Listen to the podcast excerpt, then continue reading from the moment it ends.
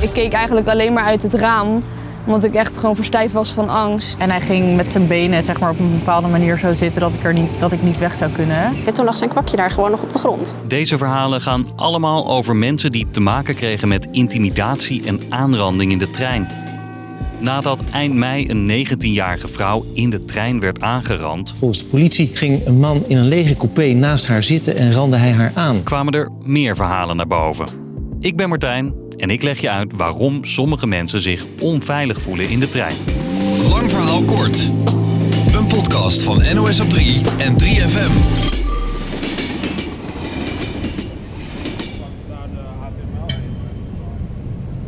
Beste reizigers, de Intercity naar Alkmaar Op de avond van 23 mei wacht een 19-jarige vrouw op station Amsterdam Centraal.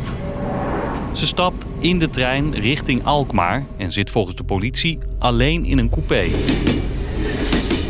Maar kort na vertrek loopt een man van rond de 40 naar de vrouw toe en gaat strak tegen haar aanzitten. Daarna randt hij haar aan. De politie meldt later dat de vrouw 40 minuten lang werd betast. Alarm slaan kon niet. Pas toen de trein om half tien s'avonds op station Alkmaar stopte, kwam er hulp. Maar de dader was er al vandoor.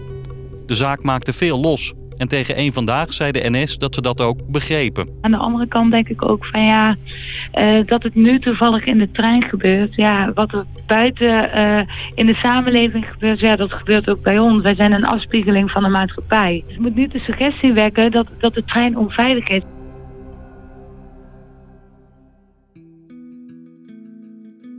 Maar het incident staat niet op zichzelf.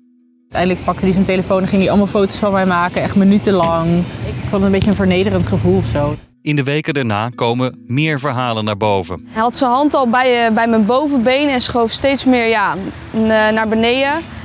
Ik keek eigenlijk alleen maar uit het raam, omdat ik echt gewoon verstijf was van angst. Dit soort verhalen hoorden mijn collega's van NOS Stories. Ze verspreidden een vragenlijst onder jongeren en daarin zeiden 650 mensen dat ze in de trein ongewenst seksueel zijn aangesproken of zelfs betast.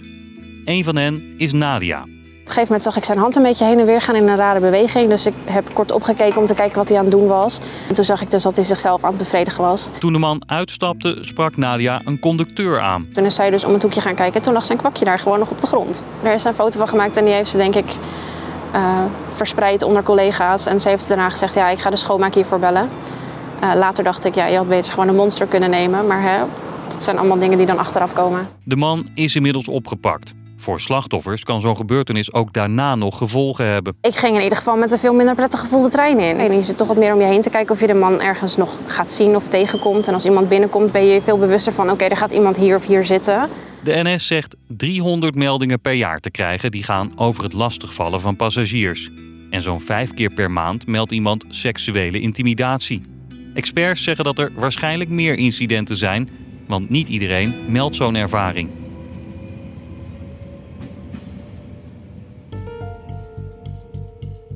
Ben je in nood? Dan kun je 112 bellen, zegt de NS.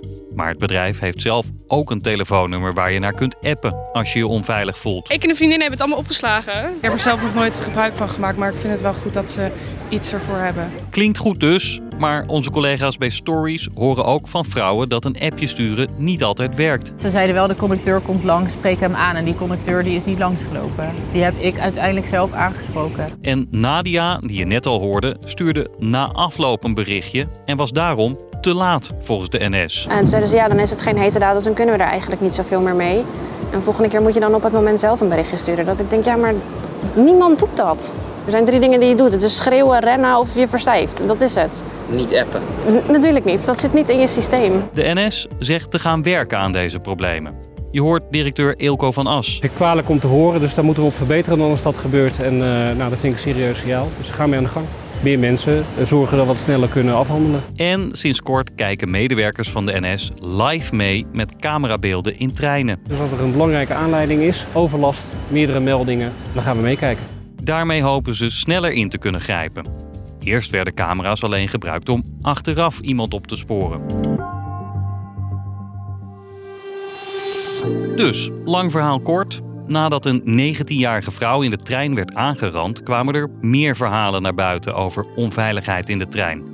De NS heeft een speciaal telefoonnummer waar je mee kunt appen, maar ingrijpen lukt niet altijd. Daarom kijken ze vanaf nu live mee in de trein als iemand een melding maakt. En de NS zegt: bel bij directe nood altijd 112. Dit was de podcast voor vandaag. Morgen rond de klok van 5 een nieuwe aflevering. Bedankt voor het luisteren.